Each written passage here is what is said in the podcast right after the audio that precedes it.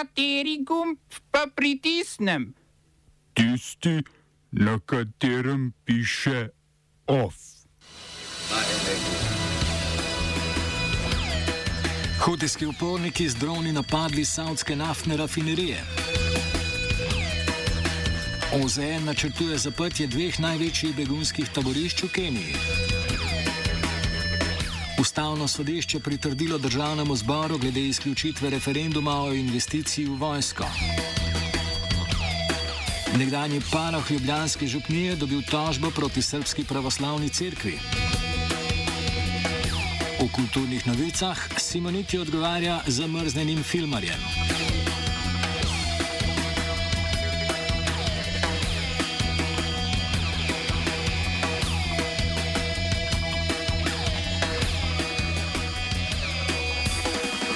Haitijski premijer Joseph Zhao je med politično in socialno krizo, ki pretresa državo, brez pojasnila nenadno odstopil. Svojo funkcijo je upravljal več kot eno leto, svoj odstop, ki ga je včeraj naznanil na Twitterju, je predlagal že prej, vendar ga predsednik države Jovenel Mois ni želel sprejeti. Haiti preživlja hudo gospodarsko in ekonomsko krizo, ponavljajo pa se tudi protesti, ki zahtevajo odstop predsednika, saj naj bi se njegov petletni mandat končal. Varnostni svet Združenih narodov tako vlado poziva k izvedbi zakonodajnih in predsedniških volitev. Takoče obveznosti bo po odstopu Djao upravljal zunanji minister Claude Joseph.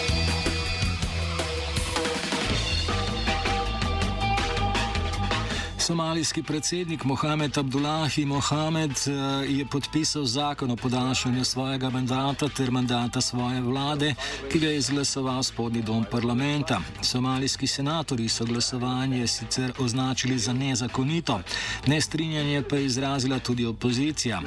Podaljšanju mandata Abdullaha Mohameda nasprotuje tudi mednarodna skupnost in opozarja, da bi politično razkrojenost lahko izkoristila teroristična skupina Al-Shabaab. Al-Shabaab, ki v prestolnici Mogadeš pogosto izvaja samomorilne bombne napade.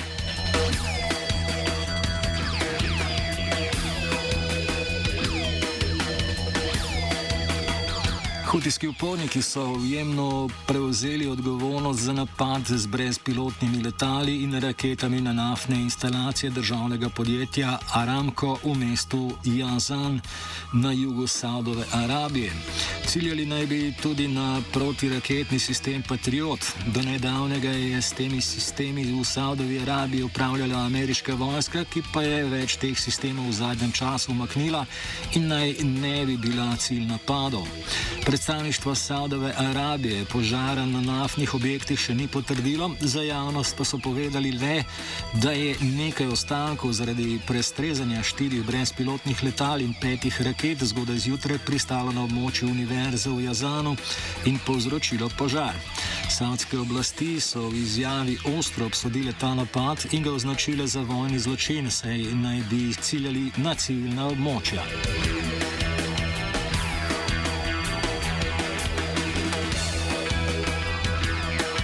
Združeni narodi so kenijski vladi poslali predloge za zapiranje drugega največjega begunskega taborišča v Afriki, potem ko je kenijsko notranje ministrstvo 24. marca Agenciji Združenih narodov za begunce dalo dva tedna za oblikovanje načrta zaprtja taborišč Dabab in Kakuma v katerih začasno prebiva dobrih 430 tisoč beguncev.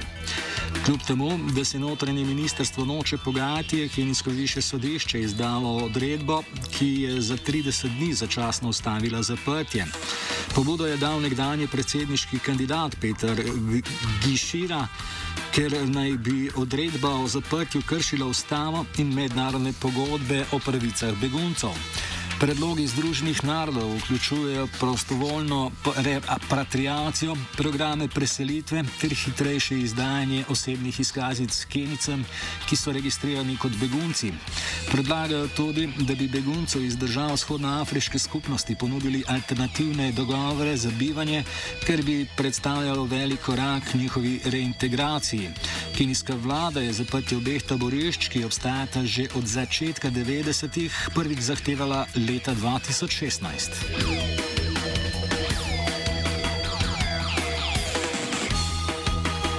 Danska je postala prva država v Evropi, ki je sirijskim beguncem zavrnila dovoljenje za prebivanje, saj ustraja, da se je v nekatere dele vojne raztrgane države možno vrniti.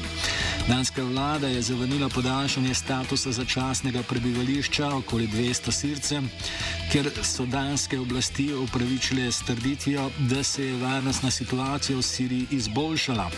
Nestrinjanje z vlado je izrazila generalna sekretarka Danskega sveta za begunce. Nemce, Charlotte Slente, saj odsotnost bojev na nekaterih območjih še ne pomeni, da je država varna za vrnitev. Območja so namreč še vedno nestabilna, dodatno breme pa predstavlja tudi pomankanje osnovnih surovin in elektrike. Oba, če, če bom odgovoril na angliški. Slovenija bo poskušala pomagati. Slovenija bo naredila naš utmost, da bo rekla, da je situacija naš problem, ourselves. In da bomo naredili nadaljnje korake, as soon as the conditions are. Bomo vlado Marjana Cererera Šarca podprli. Zelo, zelo resno. Slovenija. We know how and we will.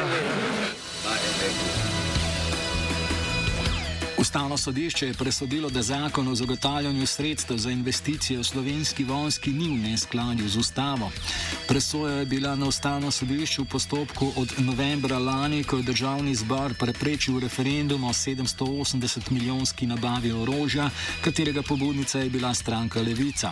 Odločitev ustavnega sodišča povzame koordinator Levice Luka Mesec. Um, gre za odločitev, ki jo je državni zbor sprejel potem, ko smo mi v koncu novembra in začetku decembra lani zbrali 30 tisoč podpisov proti zakonu 780 milijonski nabavi orožja.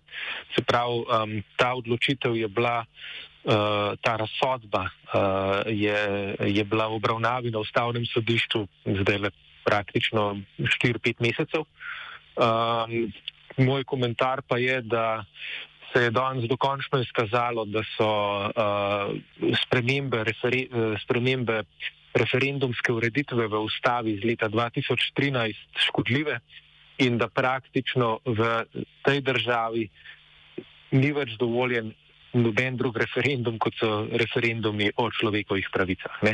Um, tako da uh, se s tem, uh, kar so napisali, ne moremo strinjati.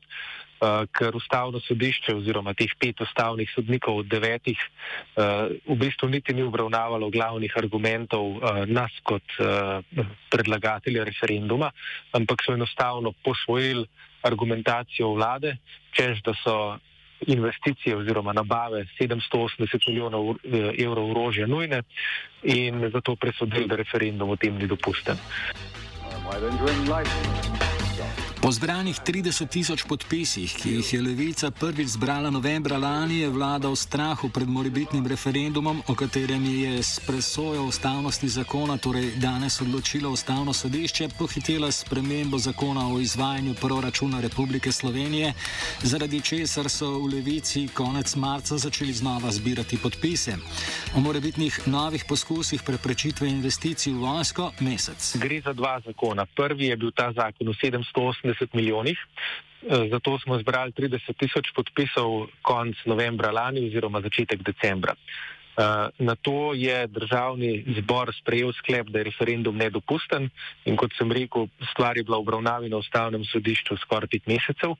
In vlada je najbrž, ker je tok časa trajala obravnava, iz skrbi, da bo ustavno sodišče referendum dopustilo uh, in zelo verjetno bi ga mi dobili, ker 75 odstotkov javnosti take izbiri družbenih prioritet nasprotuje, um, je vlada pred kratkim sprejela po uh, nujnem postopku še en zakon in to je sprememba zakona o izvajanju proračunov Republike Slovenije, s katerim je pa hotela obvoziti tako ustavno sodišče kot uh, referendum, potencijalni referendum. Um, no zdaj, ko je ustavno sodišče v bistvu temu njenemu prvemu zakonu dalo zeleno luč, je v bistvu um, kakršnokoli pač uh, odločanje v tistem drugem zakonu brezpredmetno, uh, ker oba dva v bistvu obravnava obravnavata isto zadevo in to je nabavo teh 780 milijonov evrov orožja. Više delovno sodišče v Ljubljani je potrdilo, da mora Srpska pravoslavna crkva plačati 13 tisoč evrov odškodnine nekdanjemu parohu Ljubljanske župnije Željko Lubardi. Ta je leta 2012 na položaju paraha Ljubljanske župnije Srpske pravoslavne cerkve nasledil Perana Boškoviča in ugotovil nepravilnosti pri njegovem delu. Boškovič naj bi si prilastil del donacij, ki jih je cerkev prejela za gradnjo kulturno-pastoralnega centra. Po nalogu tedanjega zagrebsko-ljubljanskega metropolita Jovana Pavloviča je Lubarda podal kazansko ovadbo proti Boškoviču, Ljubljansko više sodišče pa je kazansko sodbo tudi potrdilo. Lubada je bil zaradi tega večkrat premeščen, kasneje je dobil tudi prepoved opravljanja duhovniške službe, na koncu pa je bil še odpuščen. Zaradi mobbinga in trpinčenja je proti srpski pravoslavni cerkvi vložil tožbo, ki jo je zdaj tudi dobil.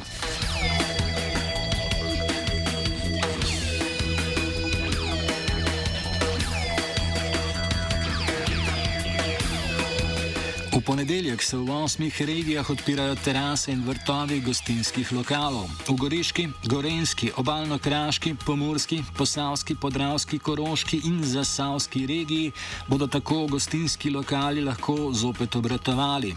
Čeprav je to po njihovem mnenju korak v pravo smer, pa sindikat gostincev z novim vladnim odlokom ni zadovoljen. Od vlade zahtevajo, da panožnim dejavnostim spet dovoli izvajanje storitev v celoti. Teras in vrtov namreč nimajo vse gostilne, poleg tega pa je vprašljivo, kaj bo, ko nastopi slabo vreme. O problematiki prepočasnega zagona gostinskega sektorja Kristjan Lahsbacher, predsednik sindikata delavcev gostinstva in turizma Slovenije. Gledajte, mi absolutno nismo zadovoljni, da se v teh osmih regijah dejansko odperejo samo trase. Problem pa je v tem dejansko, ker je vprašanje v sindikatu dejavnosti gostinstva in turizma, kaj bo pa za delovci, ki delajo v hotelih, restauracijah in v drugih objektih.